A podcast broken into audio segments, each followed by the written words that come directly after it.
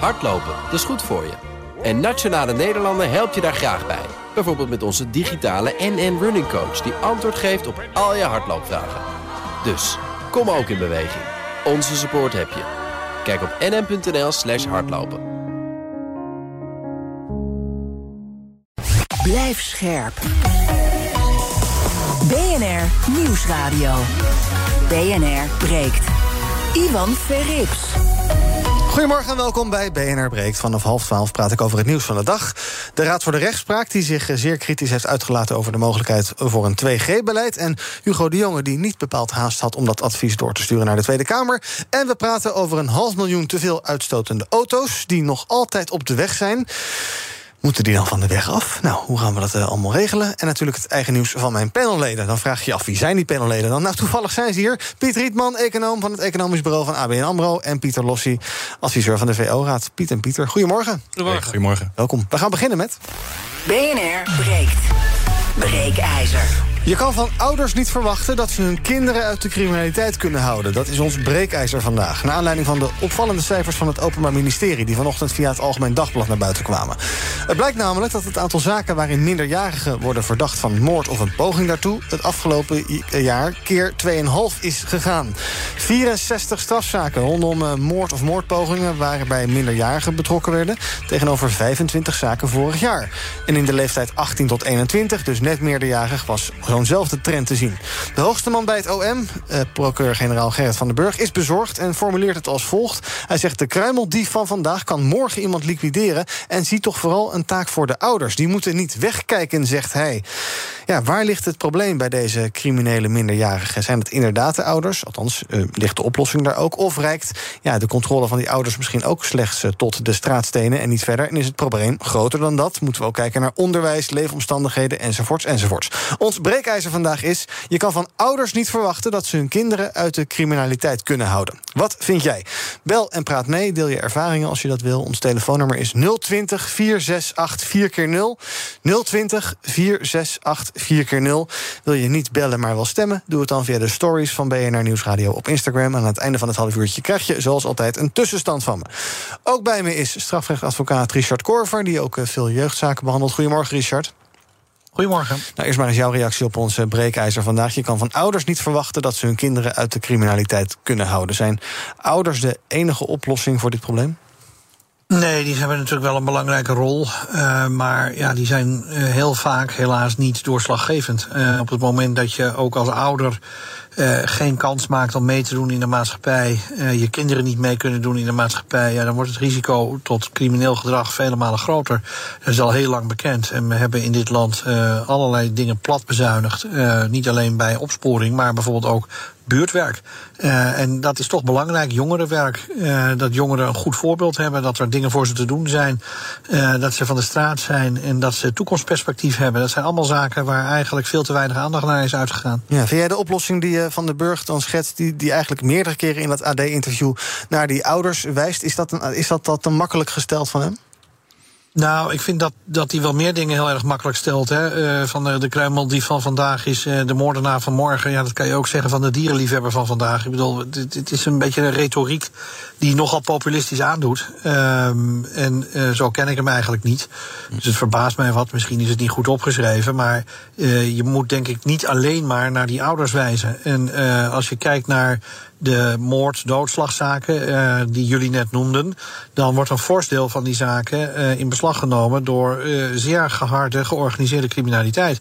En dan kun je je ook wel afvragen of de wetgever niet iets zou moeten doen. Hè? Want we weten allemaal dat jeugdstrafzaken nog steeds worden afgedaan met maximaal twee jaar gevangenisstraf. Ja. En ik vrees dat criminele organisaties dat ook weten en daar zo langzamerhand gebruik van maken. Ja, laten we daar zo even verder over praten. Ik zag vanochtend in het Parool ook cijfers over Amsterdam. Daar uh, in, de, in, in de regio Amsterdam dit jaar 19 doden te betreuren door geweld. En dan zijn veel verdachten, enkele verdachten zijn dan net twintigers. Is dat iets wat jij inderdaad herkent? Dat bij ja, die enorme enorme zware ja. criminaliteit... dat daar dus gewoon heel veel jongeren en tieners nog bij betrokken zijn. Zie je dat zelf ook terug?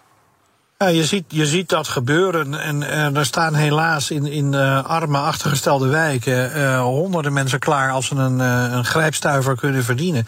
We zien ook dat de drempel om geweld te gaan gebruiken steeds lager wordt. En dat eigenlijk ook, als je kijkt naar wat daar dan tegenover staat, dat dat niet meer in verhouding staat. Alleen dat is voor ons als volwassen mensen goed te duiden. En als jij een jongere bent en je kunt duizend euro verdienen, ja, dan is dat natuurlijk een soort groot kapitaal. Ja. We gaan zo verder praten. Ik ga rondje panel doen, daarna even kijken hoe mijn, onze bellers erover denken. Ons breekijzer is, je kan van ouders niet verwachten... dat ze hun kinderen uit de criminaliteit kunnen houden. Ons telefoonnummer is 020 468 4 keer 0 uh, Praat mee als je dat wil. 020 468 4 keer 0 Pieter, wat vind jij? Ja, ik denk dat geen enkele ouder ervoor kiest om een uh, kind uh, op te laten groeien die uiteindelijk uh, de zware criminaliteit ingaat. en tuurlijk zullen er vast situaties zijn waarin ouders nalatig zijn geweest. en ik denk dat je prima met voorlichting ervoor kan zorgen dat de ouders er scherper op zijn. Maar om de schuld bij hen neer te leggen, of dan wel een deel van die schuld, is makkelijk. Ik kan me ook niet voorstellen dat die echt explosieve toename komt doordat deze nieuwe generatie uh, mensen met deze leeftijd opeens een ander gen of zo in zich hebben. Dus dat lijkt me toch uh, nou, uh, dan uh, tot de conclusie komen dat iets in die context waarin jongeren nu opgroeien maakt dat zij eerder uh, die zware criminaliteit betreden. Mm -hmm. En dan zou je inderdaad toch moeten kijken naar hoe je zeker dus in die kwetsbare gebieden en, en wijken ervoor kan zorgen dat jongeren meer kansen krijgen. Dat er inderdaad meer nou, jeugdhulpverleners komen, meer wijkagenten. en zorgen ook in het onderwijs zelf dat jongeren een perspectief geboden wordt die hopelijk beter is dan uh, dit grijze en uh, grauwe perspectief. Ja, dus ouders zijn niet de oplossing. Misschien wel onderdeel van de oplossing. Moeten er trouwens wel ouders zijn. Dat zal misschien ook wel eens een probleem zijn. Uh, Piet? Ja, uh, wat ik, wat ik weet van zelf ouder zijn... is dat je toch altijd alles doet voor je kind... en uh, wil dat ze goed terechtkomen. En alle ouders zullen dat hebben. En ik geloof ook niet dat er... ik geloof niet dat er veel ouders zijn die denken het zal wel. Ik denk wel dat er veel ouders zijn die de, die de middelen... En, en mogelijkheden en vaardigheden niet hebben... om hun kind goed terecht te laten komen. En dan is het toch uiteindelijk de maatschappij...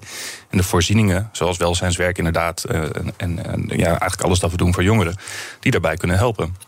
Misschien is dat ook wel uh, moeilijker dan vroeger, toch? Want ja, ik, ja, laat ik, ik over vroeger, maar als ik aan mijn eigen kindertijd denk, dan was de wereld een stuk minder complex. En je had niet allerlei digitale middelen. En uh, ja, de straat, uh, dat was de straat en daar speelde je en dat was het. Maar ja, nu, je hebt geen idee wat kinderen doen online en met wie ze in contact zijn enzovoorts. Ik wil niet als een of andere oude opa klinken, maar ja, het is misschien wel zo. Ja, het klinkt wel zo. Maar, nee, maar inderdaad, we hebben geen flauw idee. En, en, en de wereld wordt steeds complexer. en daarom, dat zegt trouwens ook die baas van het OM procureur-generaal van het OM, die zegt ook er moet meer onderzoek komen. Dus die weet het eigenlijk ook uh, niet. Nee. Dat is eigenlijk degene die uh, oplossingen klaar zou moeten hebben. En die geeft dus aan, ik weet het eigenlijk niet. Die zegt, er moet meer onderzoek komen naar de oorzaak van deze toename. Nou, laten we dat doen. Dat betekent dus ook dat vakgebieden als criminologie, sociologie waar we toch uh, um, ja, de, de, afgelopen decennia niet uh, te veel in hebben geïnvesteerd. Dat die ook aan zet zijn om met de samenleving in dialoog te gaan over oplossingen. Ja, oproep aan wetenschappers dus. Die we trouwens vanochtend ongeveer allemaal gebeld hebben. Maar die allemaal denk ik met kerstreces zijn of iets dergelijks. Ehm, we gaan even kijken naar hoe onze bellers over dit onderwerp denken. Je kan van ouders niet verwachten dat ze hun kinderen uit de criminaliteit kunnen houden. 020 468 4 keer 0 is ons telefoonnummer. degene die het langst hangt te wachten is Richard. Maar dat is dan dus niet Richard Korver, andere Richard. Goedemorgen. Goedemorgen. Zeg het maar. Uh, ja, ik vind toch wel dat uh, de ouders een heel, heel groot gedeelte uh, verantwoordelijk zijn voor de opvoeding van een kind nog steeds natuurlijk. -hmm. En ik, ik, ik, kijk dan ook wel terug naar mijzelf. Jij hebt jezelf al terug gereflecteerd naar je eigen jeugd. hoe komt het dat ik daar niet in betrokken ben en ook mensen in mijn omgeving? En durf, durf dan je ook af te vragen, en dat, dat durft men bijna niet meer in Nederland, uit welke hoek het komt, uit welke cultuur, uit welke groep. Durven ze heel duidelijk te benoemen en te bekijken. Want we zijn afgelopen tijden uh, met de corona natuurlijk heel goed geweest in grafieken. Maar laten ze een grafiek zien waar het echt vandaan komt, zodat je ook heel gericht te werk kan gaan. Het is natuurlijk niet van alleen vandaag. -hmm. Nee. Nou, ik zal zo eens aan Richard vragen of hij ziet of er ja, bepaalde patronen zijn in uh, de cliënten die hij ook uh, ziet, uh, ziet langskomen en verdachten daarin. Gerdien, goedemorgen. Gerdien? Ja, hallo. Hallo, zeg het maar. Ja, ja. Het, het, het stadium waar we nu zijn is dat de eigen ouders die kunnen niks meer doen. Als de eigen ouders voor de opvoeding hadden kunnen verantwoordelijk zijn, dan hadden ze dat lang geleden moeten doen. Maar juist die ouders hebben laten zien dat ze het niet kunnen. Daar kan je geen eisen meer aan stellen. Natuurlijk niet. Het moet op een andere manier moeten uh, een mogelijkheid buurtwerk, wat we vroeger algemeen hadden, uh, kinderen van de die kinderen van de straat, dus een, een op, oplossing konden bieden voor leuke bezigheden, noem maar op. Dat is allemaal wegbezuinigd. Die hebben dus vroeger ontzettend veel gedaan, juist om die jeugd op een bepaalde manier te binden en in een bepaald spoor te houden.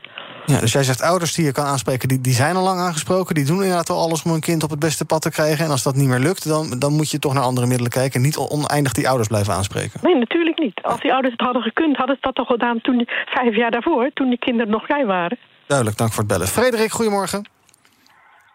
Goedemorgen. Zeg het maar. Nou ja, ik uh, ben van mening dat het uh, niet alleen puur op opvoeding afgeschoven kan worden. uh, mede vooral ook omdat je als ouder gebonden bent aan de manier van opvoeden, vooral sinds jaren negentig. disciplinair kan je weinig als ouder, behalve het, het gesprek aangaan met een kind treed je corrigerend op. Ja, er zijn al meerdere die aan hun eigen jeugd reflecteren. Sommige dingen deed je vroeger ook niet uit behoud van een pak op de broek. Mm -hmm. Zou je ervoor pleiten om dat weer een beetje terug te laten keren? Dat, we, dat ouders wat strenger mogen zijn voor hun kinderen? Een corrigerende tik? Nou ja, uh, uh, ik denk dat als ik kijk naar mijn generatie en de generaties voor mij, dat niemand daar slechter op is geworden. Uh, waar het niet dat een corrigerende tik niet uit moet monden in kindermishandeling. Nee, dat lijkt me inderdaad heel verstandig. Dank voor het bellen. En tot slot van dit blokje even Anton, goedemorgen. Anton, zet je radio even uit, want dan. Ik hoor mezelf heel graag, maar ook weer niet zo graag.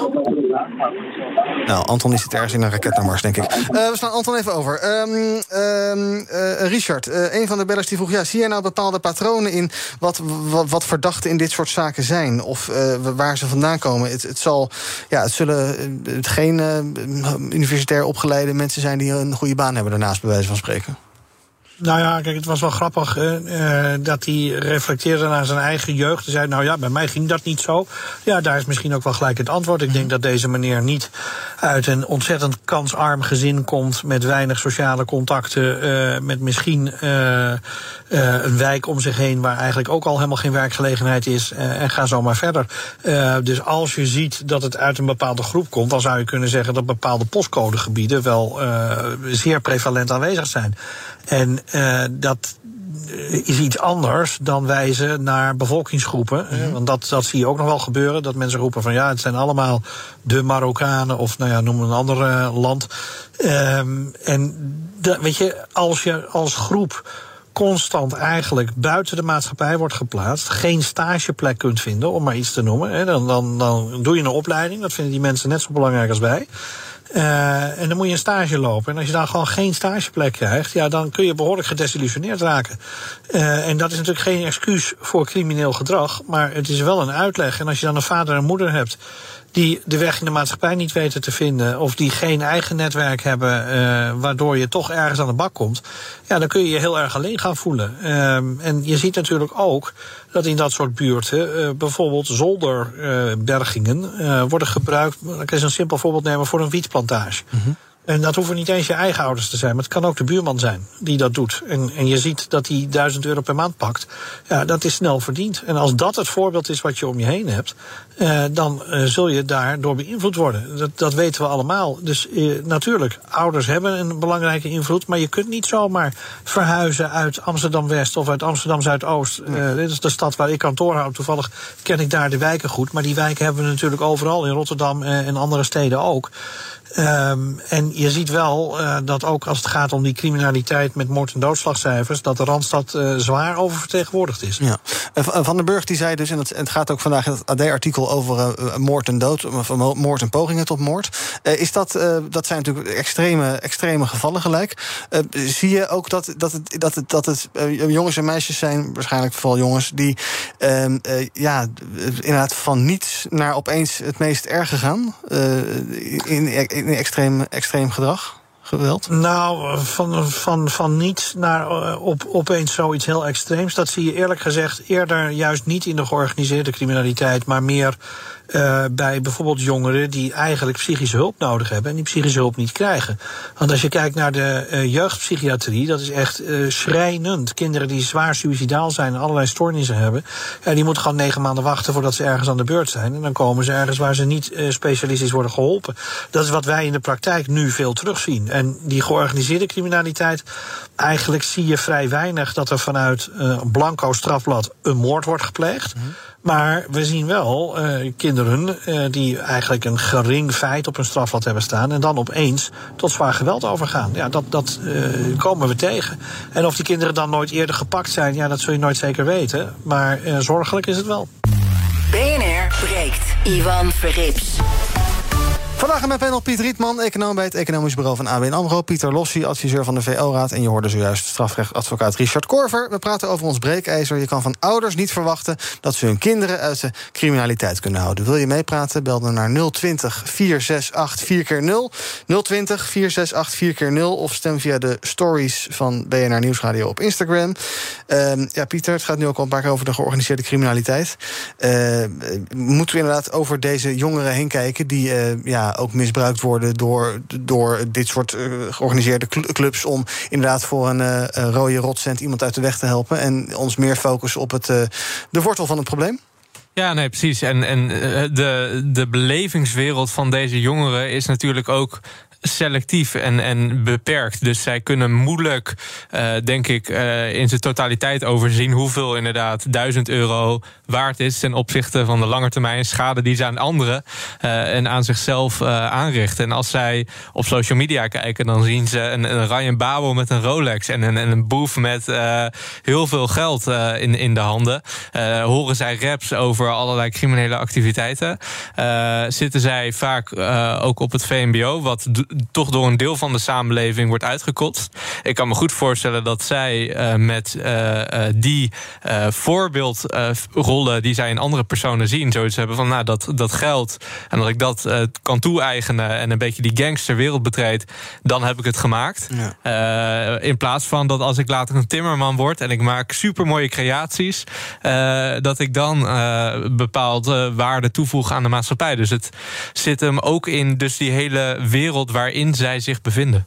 En ook de herwaardering van buiten die wereld dus. Zeker, ja. Ik ga een paar bellers aan het woord laten nog, want er bellen heel veel mensen. Blijkbaar maakt dit onderwerp iets los. Uh, ons breekijzer, je kan van ouders niet verwachten... dat ze hun kinderen uit de criminaliteit kunnen houden. 020 468 4 0 Sandra, goedemorgen.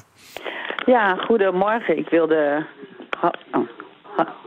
Hallo? Hallo, ja, u bent in de uitzending, zeg maar. Ja, ik wilde wat, ik wilde wat zeggen. Kijk, of je nou uit een gezin komt waar de ouders niet veel verdienen of wel.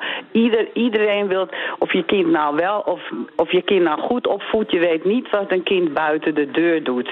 Wat ik altijd mis in dit soort gesprekken is, is vaak het, het karakter van het kind? Hoe sterk ben je? Hoe beïnvloedbaar ben je? Want van een gezin van vier kinderen, als je meerdere kinderen hebt, is altijd wel eentje kwetsbaar, beïnvloedbaar. Want het is, is niet zo dat in een hele gezin alle kinderen crimineel dan zijn. Het is gewoon het karakter ook karakter ook van het kind. En dat mis ik vaak in dit soort, uh, in dit soort gesprekken. Ja, ze zwart-wit wat jou betreft. Dank voor het bellen. Uh, David, goedemorgen. Hallo? Hallo, zeg het maar. Ja, uh, ik, had, uh, ik hoorde dit en ik vroeg me af. Uh, ik ben, mijn zoon zit op uh, speak in de gevangenis.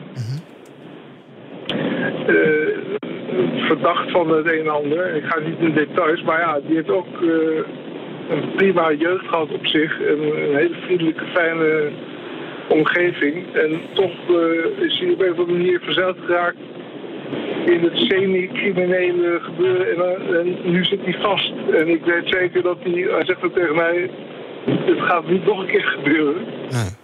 Maar ik weet wel dat één ding zeker dat die ouders, ja, die weten denk ik 90% niet wat kinderen doen buiten uh, op straat en zelfs als ze op de bank met een telefoontje bezig zijn. Dus, nee. Uh, ja. Wat had jij zelf uh, um, ja, nodig gehad misschien om, om dit dan te kunnen voorkomen? Uh, wat je zegt eigenlijk van ja, ik heb ook maar beperkt invloed natuurlijk.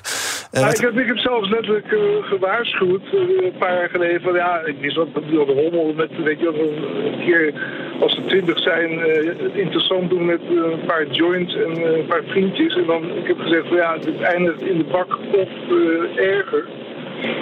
En dan krijg je door, ja, pa, maak je druk, niks aan de hand. En dat, ja, ik heb, je kan er op inlullen wat je wil. Uiteindelijk doen kinderen toch wat ze willen. En ik weet wel dat de, het, zeg maar het dark web, en het, het, het, het onzichtbare internet en de signal en de, zeg maar de, de internetdiensten zo goed zijn dat je het ook niet kan controleren of iemand bezig is met dingen die niet horen. Nee, dus, Niet mogen. dus tot slot heel kort nog, wat, wat had jij dan... eh, ja, was jij ergens bij geholpen? Had je ergens hulp bij nodig gehad? Of, of is, vind je het ook lastig om dat te benoemen? Wat er nodig was geweest om dit te ik, ik, voorkomen? vind, ik, vind, eh, ik zie het eh, als een, als een ja, vreselijk harde les. En ik ben blij dat hij niet met een geweldsincident te maken heeft. Dus ik heb ook tegen hem gezegd van, ik hou van je, ik steun je, maar het is wel... ja, dit, dit is ge- gebeurd in een, in, eh, in een split second. Als je met de verkeerde persoon opeens iets doet, dan kan er zomaar eh, een situatie ontstaan waarbij je gedwongen wordt in een bepaalde trechter te komen. En dan zit je, ja, dan is het gebeurd. En dat, dat, kan, dat heeft niets te maken met afkomst, eh, ook niet etniciteit. Het, is gewoon, het kan van alle kanten komen. Duidelijk, dank voor het delen van je verhaal. En ik hoop voor jullie allebei dat dit eh, goed afloopt. Abdel, goedemorgen. Abdel? Hoi, goedemorgen. Hallo, zeg het maar. Hoi, ja, eh, nou, wat ik wilde meegeven is dat eh, wij komen het gezin met eh, drie jongens. En eh, dat ik merk dat wij met z'n drieën ook niet alle drie dezelfde zijn. Dus dat de ouders hebben voor alle drie dezelfde opvoeding gegeven. Alleen dan merk je toch dat iedereen een eigen karakter heeft. Dat de ouders daar geen invloed op hebben. Nee. En dat die karakters heel bepalend kunnen zijn in wat je doet als je ouder wordt enzovoorts. Ja, inderdaad. Dus dat je zelf uiteindelijk keuzes gaat maken. En eh, ja, dat is in deze dan ook gebeurd. Eén broer heeft dan wat andere keuzes gemaakt. En dan merk je daar gewoon een verschil in. En twee zijn wel een beetje hetzelfde. Maar we hebben wel alle drie dezelfde opvoeding gehad. Ja, en dan ook maar even dezelfde vraag die net aan Da- David stelde. Eh, Jij zegt één broer heeft andere keuzes gemaakt. Ik denk dat je daarmee bedoelt minder goede keuzes. Was er iets, was er iets te doen geweest om dat te voorkomen? Eh, nee, want daar zijn we al 15 jaar mee bezig om dat te voorkomen. en eh, ja, dat is gewoon een karaktertrek. En eh daar verander je moeilijk wat aan. Ongeacht dat hij een, een hele goede basis heeft, een hele goede huishouden die hem daarin helpt en steunt. En dan is dat niet eens in de zin van criminaliteit gelukkig, maar meer in de zin van alcoholgebruik en drugsgebruik. En ja, dan merk je gewoon dat je daar eh, niet veel hebt in te brengen, helaas. Nee, duidelijk. Oh, Middelen zijn er soms ook beperkt. Eh, tot slot nog twee bellers. Sandra, goedemorgen. Ja? Hallo, zeg het maar. Ja, ik was net al aan de lijn. Oh, dat was aan de beurt geweest, sorry. Ja, maar dat geeft niet. Ik, ik Oh, mag nog- nog wat inderdaad- zeggen, hoor. Ik, be- Ja. ik begon over het karakter, Ja. inderdaad. Dat, die, eh, mijn voorganger. En ik, had, ik was net al in de, op, Ja. de, op de lijn. En ik vertel ook, een kind, een karakter kan je heel moeilijk veranderen. Want eh, ieder kind is anders. Ik bedoel, eh, en net dat ik zeg, je weet niet wat je kind buiten de deur doet. Die jongens in Hilversum waren ook verdacht. Die gingen ook vrolijk op vakantie. Maar de, sommige ouders waren van, goed- kwamen van goede huizen. Dus heeft inderdaad, het is het karakter van het kind. Want de een doet het wel, de ander niet. En het, voor, het voorbeeld dat het mijn vorige ga- vergang, eh, voorgang gaf. Ik heb ook drie kids waarvan ook alle drie een ander karakter zijn. En eh, ja, zo is het zo'n beetje. En daar wordt altijd veel minder aandacht aan geschonken. En meteen naar de ouders gewezen. Maar een karakter verander je niet 1, 2, 3. En dus ik ben het heel erg eens met mijn voorganger, die jongen die net sprak. Over dat ze met drie broers thuis zijn. En dat ja, de een is gevoeliger. Het gaat erom in deze wereld, hoe sterk ben je om daartegen te, om niet mee te gaan in bepaalde dingen. En dat ligt bij het kind zelf. En Dankjewel voor het bellen, Sandra. Ook voor de tweede keer. En misschien dat we nog een keer, een derde keer kunnen doen. Ehm, Richard, tot slot van deze uitzending. Ja, de verhalen. eh, Fijn dat mensen bellen die ook zelf ervaring hebben hiermee. Dat is natuurlijk ook logisch. Want ja, eh, in ko- aanraking komen met justitie is iets wat iedereen kan overkomen. Ehm, eh, wat, wat leid jij hieruit af? Ik denk dus inderdaad dat we wel kunnen concluderen dat de conclusie is dat het niet de ouders de, de, de, de, ja, de oplossing voor dit probleem zijn. En dus inderdaad, wat jij zei, georgani- georganiseerde criminaliteit beter bij de wortel aanpakken. En ja, eh, eh, ja buurtwerk heeft altijd een beetje een suffe naam, maar het is waarschijnlijk wel belangrijk. Nou ja, kijk, een van jouw panelleden net, die, die maakt eigenlijk een verwijt aan die meneer Van den Burg. Uh, dat die uh, de oplossing zou moeten hebben. En dat hij nu nog uh, maar in een stadium zit van onderzoek doen. Maar daar ben ik het toch niet helemaal mee eens. Kijk, het Openbaar Ministerie is een uitvoerend orgaan. Hè? Die moet gewoon de wetten en regels handhaven en de orde handhaven. De oplossing moet komen van politiek. Nou, zolang het land een leider heeft die zegt: visie koop je bij de Pearl en niet in de politiek. Ja, dan gaat dat niet goed. En ik vrees dat diezelfde leider nog een keer terugjagen. En van die nieuwe bestuurscultuur merk ik niet zoveel. Anders dan dat het geld uh, tegen de plinten opklotst. Ja. En je wil eigenlijk gewoon hier een, een, visie hebben. Waar willen we naartoe met onze jeugd? Ik heb uh, veel mensen horen praten vandaag ook over uh, het internet. Hè, en dat je niet weet wat je kind op zijn telefoontje doet. daar zie je ook eigenlijk in het onderwijs nauwelijks iets gebeuren. terwijl je eigen kinderen daarin zou moeten begeleiden. Zoals je kinderen ook begeleidt van... joh, als er een vreemde man uit het bosje springt, dan moet je naar papa toe. moet je dat natuurlijk op het internet net zo doen. Uh, als je benaderd wordt met rare verzoeken, vertel het ons, dan kunnen we je helpen. Uh, om maar een simpel voorbeeld te geven. Dank, Richard Korver, strafrechtadvocaat. En uh, fijn dat jij bij ons was. Ons breekijzer dus op Instagram is 74% het oneens. Je kan van ouders niet verwachten dat ze hun kinderen uit de criminaliteit kunnen houden. daar wordt dus wel heel erg de rol bij ouders gelegd. Maar ja, de verhalen die we hier gehoord hebben, ook van de deskundigen, die zijn toch wel iets genuanceerder. Nou, misschien kan Gerrit van den Burg het even terugluisteren. Heeft hij wat pogingen om uh, over na te denken wat een mogelijke oplossingsrichtingen zijn. Zometeen gaan we verder praten in het tweede deel van BNR Breekt over het nieuws van de dag. En uh, dat doen we natuurlijk met Piet en Pieter, het olijke duo.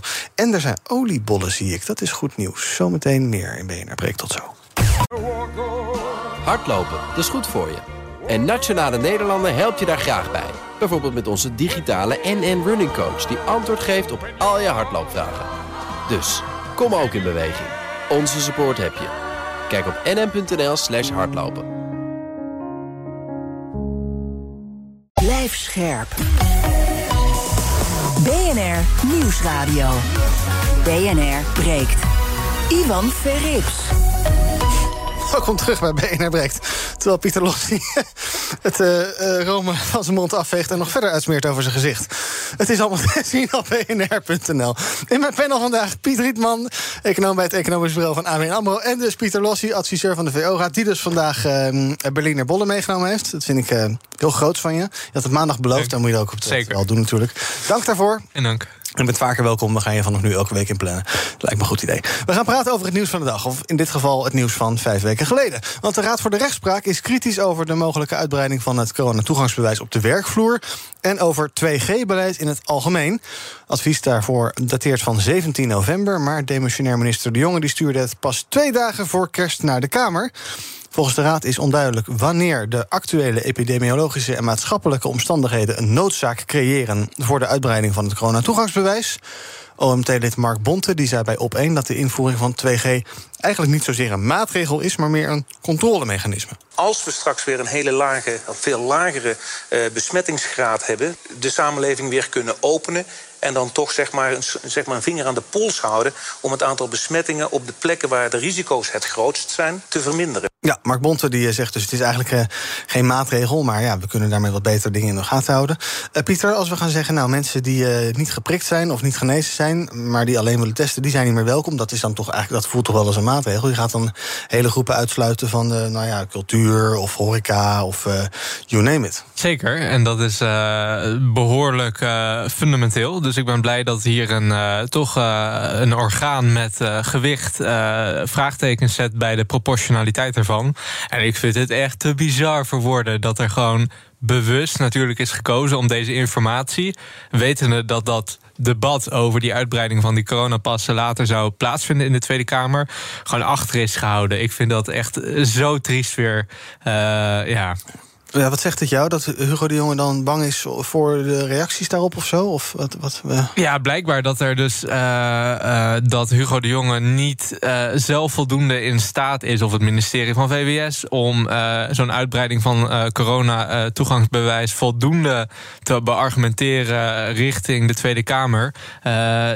en dat zij dus blijkbaar niet voldoende een weerlegging hebben op nou, uh, onafhankelijke uh, kritiek hierop uh, met gewicht. Ja. en dat nou, laat heel erg zien dat die nieuwe transparante bestuurscultuur echt nog heel ver weg is. Ja, die raad zegt ook, ja, ehm, wanneer, ik las het net al voor uit de tekst, wanneer is de epidemiologische situatie zodanig dat een dergelijke beperking van grondrechten niet meer proportioneel is. Dus ook wanneer moet je het in gaan voeren, wanneer moet je het ook weer af gaan voeren.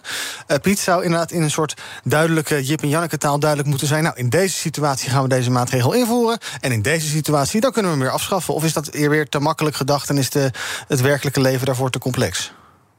Nou, het, het, zou inderdaad uh, in Jip taal beargumenteerd moeten worden. Uh, wat mij opvalt is dat het überhaupt nog niet beargumenteerd is. Dus als je kijkt naar wat die Raad voor de Rechtspraak zegt... Ja, die stellen gewoon hele fundamentele vragen die nog niet beantwoord uh, zijn. Die, die zeggen van, van ja, worden werknemers ontslagen... als ze die coronapas pas niet kunnen laten zien? Nou, daar is nog geen antwoord op. Die Raad voor de Rechtspraak zegt... moeten werkgevers dan uh, werknemers doorbetalen als ze niet kunnen werken omdat ze geen coronapas hebben? Hele fundamentele vraag, is nog niet beantwoord. Dat is informatievoorziening die uh, je uh, um, volgens mij gewoon er, erbij zou moeten voegen als je zo'n voorstel doet, in plaats van dat je even een proefballonnetje laat opgaan. Ja, en je kan dat soort beslissingen ook niet aan werkgevers overlaten, want het wordt natuurlijk één grote puinhoop. Zeker niet. En dat geven werkgevers zelf ook aan. Werkgevers en vakbonden zijn best wel duidelijk hierover. Die zien dit niet zitten, die coronapas op de. Hè. We hebben hier van Biesheuvel in het programma gehad, ook uh, twee weken geleden. Uh, die zei ook: ja, wij zien dat als ondernemers gewoon niet zitten. Want er wordt een. Uh, wij krijgen een taak toebedeeld die wij niet kunnen uitvoeren. Nou, dat zijn hele stevige signalen uit de samenleving waar je volgens mij naar moet luisteren. Ja, nou, het College voor de Rechten van de Mens heeft ook al. Dat is eigenlijk een soort van soortgelijk advies gegeven. Het was ook een paar weken geleden, misschien wel gelijktijdig, maar dat kwam wel zelf naar buiten. ik zag Pieter Omzicht, die had al gereageerd. Had natuurlijk ook over de nieuwe bestuurscultuur enzovoort enzovoort. Moet de Kamer hier niet ook ja, aan zijn eigen informatiepositie werken? Want ja, dit zo'n advies wordt dan gestuurd naar het kabinet. Maar waarom sturen ze niet eigenlijk een cc'tje naar die 150 Kamerleden? Ja, dat is raar, omdat dat orgaan ook uh, ooit is opgericht om zowel richting het kabinet als richting Kamerleden advies uit te brengen. Dus ik snap ook niet helemaal hoe dat is gegaan bij zo'n orgaan dat ze zo'n advies hebben eh, gestuurd, gestuurd, opgeleverd aan het kabinet. Dat, laten we zeggen, wetende dat dat debat eraan kwam, uh, niet uh, hebben zien aankomen bij Kamerleden. Dat er niet een belletje is gaan rinkelen met: hé, hey, misschien moeten we toch even wat druk zetten. Of zelf inderdaad even via een cc'tje uh, die Kamerleden benaderen. Ja, maar duidelijk is wel dat deze wetgeving totaal nog niet klaar is voor de realiteit. Uh, aan de andere kant, die jongen kan er natuurlijk zijn voordeel mee doen en het gaan aanpassen zodat het wel allemaal in orde is. Maar het is wel tamelijk besmet al voordat het überhaupt uh, besproken gaat worden. Ja, ik denk dat de jongere over een paar dagen niet meer zit. Dus dat is aan een opvolger dan. Ja, wie zou dat kunnen zijn? Ja, geen idee. Minister Kuipers, we gaan het zien. We gaan nog even naar onze zuiderburen, uh, naar de Raad van Staten in België. Zij hebben namelijk gisteren besloten dat uh, de deuren van de cultuursector weer open moeten. Nadat die afgelopen week werden dichtgegooid vanwege uh, een lockdown daar. Ik zag al dat allerlei eindejaarsvoorstellingen vanavond alweer doorgaan. En dat ze mensen in allerhaast gaan opbellen van ja, je kaartje is toch nog geldig, kom toch maar wel. Ehm, Piet, de Belgische Raad van State, die oordeelde dat het sluiten van de cultuursector buiten proporties is. En dus mogen mensen nu weer met maximaal 200 man naar de bioscoop en het theater. Goeie zaak dat zo'n uh, ja, dat hoogste rechter daar... dat hij ook de overheid dan op de staart trapt... en dat dat ook direct gevolg heeft. Het wordt ook wel een beetje onduidelijk als je een Belg bent... of als dit bij Nederland zou gebeuren, een Nederlander bent... en nou, je de ene dag zegt Rutte dit... en een paar dagen later zegt een of andere rechter dat. En het, wordt, ja, het wordt wel een beetje een puinhoopje dan, toch? Ja, maar je, je ziet er wel in heel Europa... Hè, dat, dat er in alle haast worden maatregelen genomen... en dan hebben we toch nog een rechtspraak die dat af en toe recht kan zetten moeten er heel blij mee zijn, denk ik. Ja, Um, procedure berust op de vraag waaruit eigenlijk opgemaakt zou kunnen worden waarom het bezoeken van culturele voorstellingen bijzonder gevaarlijk zou zijn voor de volksgezondheid. Nou, ik zei al, dit gaat natuurlijk over de Belgische situatie, die kennen wij allemaal niet zo goed. Maar uh, zou het goed zijn, inderdaad? Ja, we zitten nu eigenlijk al best wel gedwee, zo van tot 14 januari een beetje met de vingers op de tafel te trommelen van la la la, lockdown, nou, we wachten we af. Zou het goed zijn als, uh, Piet, als, als andere sectoren ook uh, nou, wat verder erin gingen en lekker weer naar de rechter toe allemaal, lekker de rechtspraak overbelasten met allemaal kort gedingen. Succes ermee. Nou, dat, dat, is ook geen mooi scenario. Maar goed, ja, net als 2G op de werkvloer is eigenlijk dezelfde discussie. Het laat zien dat beleidsmakers moeten beargumenteren waarom beleid gemaakt wordt. En als dat niet goed beargumenteerd wordt, ja, dan moeten ze het overdoen. Lijkt me een heel gezond mechanisme. Ja, ja, maar Rutte zegt dan: we kunnen niet al die maatregelen er los uittillen en daarvan precies al hun uh, effecten wegen. Dat, uh, dat kan niet. Het is gewoon een totaalpakket en dat moet het ergetal omlaag brengen. Succes ermee. Ja, ik snap dat ook. En, en vanuit eh, die positie moeten ze alles doen om het ergetal omlaag te brengen. Uh, en daar hoort ook, uh, hoort ook bij dat je soms teruggefloten wordt. Ja. Pieter, zou jij het aanmoedigen om. Uh, ik geloof, nou, als ik even kijken naar het onderwijs. Daar is nog 3, 3 januari is daar een belangrijke datum. En dan gaan we horen van ja, na de kerstvakantie gaat de toko, kan het weer open of niet. De scholen in Amsterdam hebben al gezegd, we gaan gewoon open. Uh, zou daar misschien nog een juridisch pad te begaan zijn? Ja, dat is een goede vraag. adviseur van de VO. Uh, dat weet ik niet. Wat adviseer je de VO-raad? nou, ik adviseer in ieder geval uh, de mensheid om uh, te geloven in de democratische rechtsstaat die we hebben uh, hier in Nederland. En dat betekent dat het iedereen vrij staat en iedereen ook gebruik zou moeten maken van de mogelijkheid om het eventuele recht te halen bij een rechter. En dat recht dat komt gewoon voort uit natuurlijk ook wet en regelgeving vanuit die politiek. Dus als blijkbaar een rechter in België zegt, ja, die, die wet en regelgeving die maakt dat ik andere keuzes maak dan de politiek nu doet. Voor mij is dat alleen maar prima en goed en houdt dat die verschillende machten scherp. En zou ik dus alleen maar aanmoedigen. Ook om uh, de politiek inderdaad uh, beter een verhaal rondom coronabeleid te laten creëren. Dat mensen hun recht halen. En ik hoop natuurlijk van harte dat het onderwijs weer open gaat. Hoewel ik niet uh, zelf de voldoende middelen heb om een advocaat in te huren. Nee, maar de VO-raad wel, joh. Ja, mogelijk. BNR breekt gaat zoveel geld in om. Thomas van Zel. Ivan Berip van BNR Zaken doen. Over een minuut of 17 ben jij weer bij ons. Spreek jij het eh, volk toe. Met twee ons uur lang. mag ook hoor. Met ons. Wat ga jij doen? Eh, met wie ga je praten? Praten met Harold Kluit. Hij is de operationeel directeur van de Tourism Group International. Eigenlijk een uh, bijna niet te vermijden bedrijf... als je bijvoorbeeld uh, als toerist in Amsterdam verzeild raakt. En dat gebeurde natuurlijk op grote schaal... Uh, tot het coronavirus de boel hier overnam. En dat betekent ook dat het bedrijf ernstig moest saneren... en nu vooruit moet kijken naar leven met corona. Gaan we inderdaad wat we in de winter deden in de zomer doen? En wat betekent dat dan voor bedrijven die van toeristen afhankelijk zijn? Dat gaan we zeker bespreken. Uh, wat ook aan de orde komt is de Great Resignation. Dat lijkt een Amerikaanse trend, maar het grote ontslag nemen. Omdat mensen door corona ook zijn uh, gaan kijken naar wat ze voor werk doen... en of ze het wel willen blijven doen. En hoe zorg je er dan voor dat mensen bij je blijven? Nou, onder andere bonussen om te blijven of om te komen. Uh, en of dat nou op de lange termijn ook nog echt een goede oplossing is... dat hoor je in BNR Zaken doen. We beginnen met het uh, misschien opbeurende nieuws... zeker voor een commerciële radiozender... dat bedrijven veel meer geld hebben uitgegeven aan reclame dit jaar. Gaan we zo meteen horen vanaf yes. 12 uur hier met Thomas van Zel. Zaken doen. BNR En als ik aan zaken doen denk, denk ik altijd, altijd aan economen. Ze hebben een economenpanel en dergelijke. En dan is ook, moeten we toch ook even hebben over het nieuws van deze ochtend. Tien voor tien kwam er een bericht van het Parool... dat econoom Robin Fransman is overleden. Initiatiefnemer van de actiegroep Herstel NL. Um, hij is gisteren overleden aan de gevolgen van het coronavirus. Um, hij uh, maakte een week of vier geleden bekend dat hij uh, ziek was. Corona positief. Het werd ook een keer tijd, twitterde hij zelf. Nou, werd na een tijdje opgenomen in het ziekenhuis. En gisteren dus overleden. Um, wilde zich niet laten vaccineren, was ook niet gevaccineerd, was ook zeer kritisch op uh, de werking van uh, vaccins, de wenselijkheid van vaccins. Dat uh, schrijft het parool. Ja, en de reacties die ik zo 1, 2, 3 net las, ja, veel lovende teksten in de zin van het was een bevlogen en creatieve econoom met oog voor ongelijkheid. Hij wist de moeilijke materie simpel te maken, onder andere met Duplo deed hij dat in filmpjes. Um, ja, Piet, um, ook een econoom, dus ga je toch even vragen. Um, ken je Fransman? Nee. En wat, dit bericht, wat doet dit met je? Ja, vreselijk. Hè? Ja. Een, een, heel erg uitgesproken man. Die uh, uh, heel goed uh, zich wist te positioneren. een heel mooi verhaal had ook over ongelijkheid. voorstander van stijging van het minimumloon. En ja, ineens is deze man er niet meer. Ja. Leef erg mee met zijn nabestaanden. En hij had ook wat standpunten over corona die niet de mijne zijn. Maar nee. goed, het is niet het moment om daar dan over te spreken. Nee, en je kan het over dat soort dingen eens zijn om het oneens te zijn. Dat is ook Zo is het. Oké, okay, ja, ik moest het toch even noemen, want het is ook raar om het uh, helemaal niet te noemen. Ik denk dat veel uh, ook van onze luisteraars uh, Fransman wel kennen, in ieder geval van naam. En dat is dan toch een bericht dat aankomt. Um, terug naar het nieuws dat jullie opviel in de media. Ik begin bij jou, Pieter. Waar wilde jij het over hebben?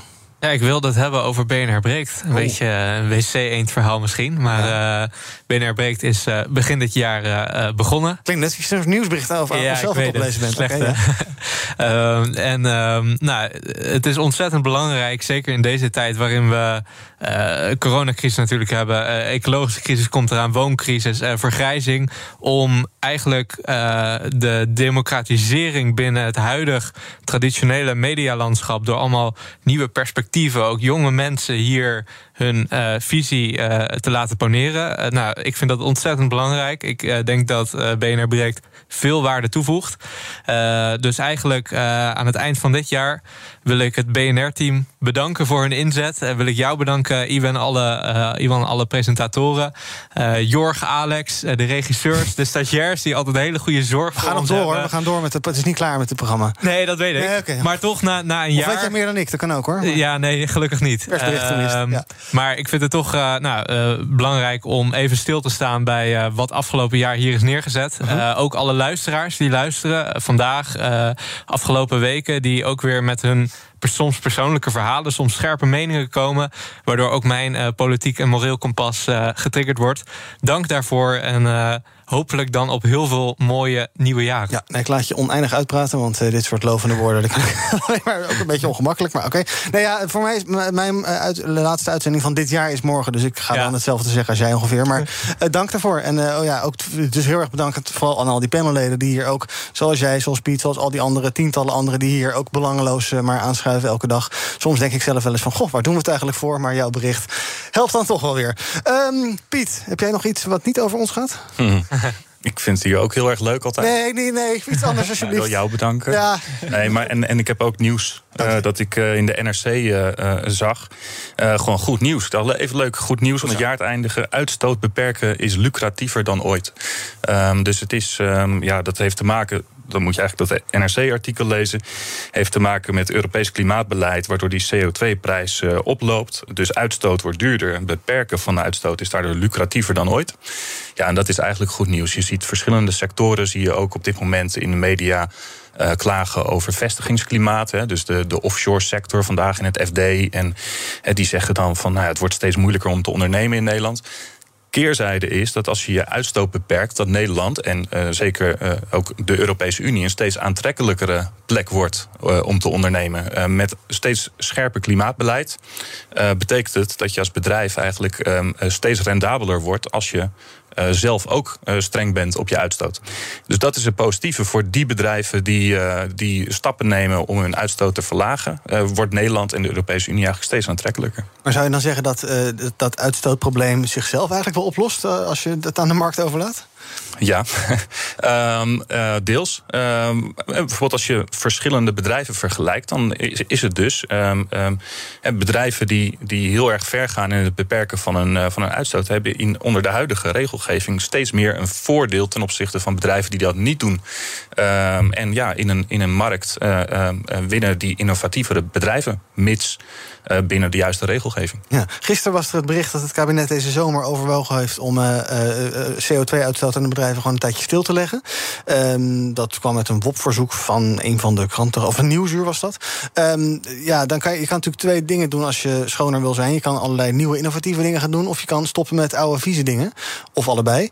Wa waar pleit jij het meest voor? Ik denk dat je beide moet hebben. En ik denk dat het een hele mooie stok achter de deur is. Ik las in hetzelfde artikel dat nog geen enkel Europees land zo'n heftige uh, maatregel überhaupt heeft overwogen. Uh, Nederland heeft dat dus kennelijk overwogen. En uh, nou, dat is een duidelijke waarschuwing aan, aan die bedrijven van hun eigen initiatief en marktwerking moeten in de eerste plaats ervoor zorgen dat die uitstoot omlaag gaat. Maar goed, als ze dat niet doen, dan is er de overheid met een stok achter de deur. En die is kennelijk bereid en in staat om vergaande maatregelen te nemen. We gaan kijken wat de trending is op de socials. Hashtag FVD en hashtag Baudet zijn weer trending. Want er is ophef omdat Thierry Baudet van Forum... Uh, als enige niet geïnformeerd zou zijn door minister van Engelshoven... over de koop van de vaandeldrager van Rembrandt van Rijn. Dat was nog geheim en van Engelshoven zou bang zijn geweest... dat Baudet dit zou gaan lekken. Of in ieder geval het proces van de aankoop in de weg zou kunnen zitten. Hashtag coronapas is trending.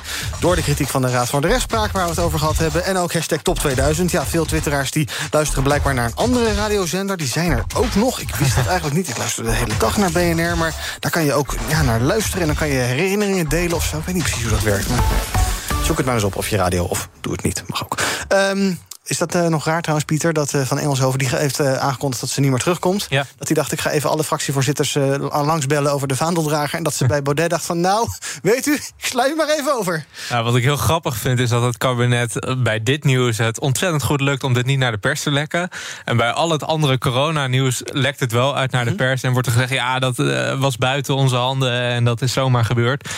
Dus nou, iets van een spiegel, iets van reflectie vanuit het kabinet zou wenselijk zijn. Tegelijkertijd, als natuurlijk die parlementaire banden eh, niet gestoeld zijn op goed vertrouwen, dan snap ik ja, dat zo'n keuze gemaakt wordt. Ja, het is wel een cadeautje voor Thierry Baudet, dit soort berichten. Want ja, ik kan u zeggen, zie je nou wel, het is een kartel en we worden er buiten gehouden. Zeker, ja. Hm, Oké, tot slot van deze uitzending moeten we nog even hebben over eh, e-bikes. Er moet namelijk een helmplicht komen voor de elektrische fiets, zegt Chantal Vergouw. En dat is de directievoorzitter van Interpolis, doet ze in het Financiële Dagblad.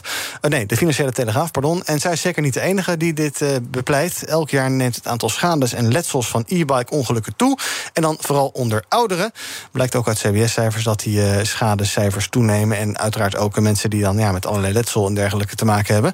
De verwachting is ook dat die trend voorlopig doorneemt. Heeft een van jullie een e-bike? Wie gaat er uit de kast komen als e-bike-bezitter? Nee, Nee, niemand? Oké, heel goed. Ehm, vind je iets van e-bikes, Piet? Ik zie wel eens mensen van onze leeftijd op e-bike. Denk je van, ja, heb je het nou nodig? Of is het, eh, ik vind het altijd wel cool, hoor. Ik bedoel, van, van Moofs en zo, allemaal mooie fietsen. Maar eh, ik denk altijd van, ja, het zijn toch een beetje bejaarde fietsen. Ja, als je gewoon goed ter been bent en je, je woont dan in Amsterdam... En, en dan voor een ritje van 10 minuten pak je je e-bike. Het heeft misschien ook wel iets lulligs, hè? Mm, dat zou mijn gevoel ook zijn. Nee, niet? Nee, dat, dat zijn toch mensen die de auto laten staan en denken: Weet je, voor iets langere afstanden pak ik lekker de e-bike.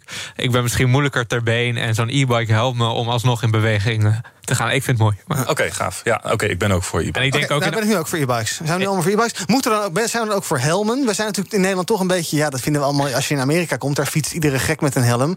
Eh, vanaf eh, jongs af aan. Als je dat niet doet, ben je een soort eh, kinderhater... als je je kind geen helm geeft. Moeten we hier dus ook maar eh, eh, helmen gaan dragen op e-bikes... en daarna misschien ook op fietsen... en daarna tijdens het wandelen... en daarna ook als je in bed ligt?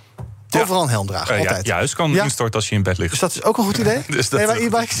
Nee, maar, maar ik vind het trouwens wel gaaf dat een verzekeraar dit zegt. Hè? Want eigenlijk maakt het voor een verzekeraar niet uit. Als, er, als mensen meer schade hebben, dan, eh, ja, dan gaat de premie omhoog. Mhm. Dus ze hebben er in principe geen commercieel belang bij...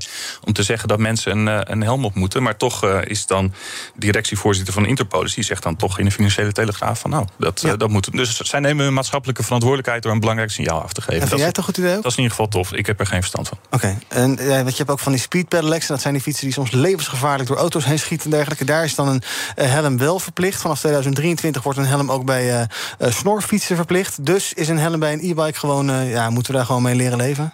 Ja, alle objectiviteit in mij zegt ja, natuurlijk. Dat is meer dan logisch als we dit voor andere voertuigen ook eh, verplicht stellen. Maar als we ook in de coronacrisis eh, al die ouderen willen beschermen van mogelijk potentieel gevaar, Mhm. dan denk ik, nou, als je naar statistieken kijkt, is dit ook best wel een logisch, eh, logische conclusie. Maar inderdaad, alle emotie en passie en subjectiviteit in mij zegt: wij als Nederland zijn zo'n mooi land dat wij als een van die weinige landen een fietsland zijn waar je niet altijd zo'n groot, massief ding Lelijk ding hoeft mee te dragen. Laten we dat dan vooral ook niet eh, bij de e-bikes toepassen. Om juist ook die e-bikes aantrekkelijk genoeg eh, te maken voor die mensen die nog niet overtuigd zijn van de schoonheid van e-bikes. Mooi. Nou, dat is voor deze emotionele oproep van Pieter Lossi, adviseur van de VL-raad. En ook bij me was Piet Rietman, econoom bij het Economisch Bureau van ABN AMRO. Dank dat jullie er waren. Tot volgend jaar allebei. Morgen ben ik er weer. Mijn laatste break van het jaar. En eh, zometeen op deze zender eerste zaken doen met Thomas van Zel. Tot morgen. Hardlopen, dat is goed voor je. En Nationale Nederlanden helpt je daar graag bij. Bijvoorbeeld met onze digitale NN Running Coach... die antwoord geeft op al je hardloopvragen. Dus, kom ook in beweging. Onze support heb je. Kijk op nn.nl slash hardlopen.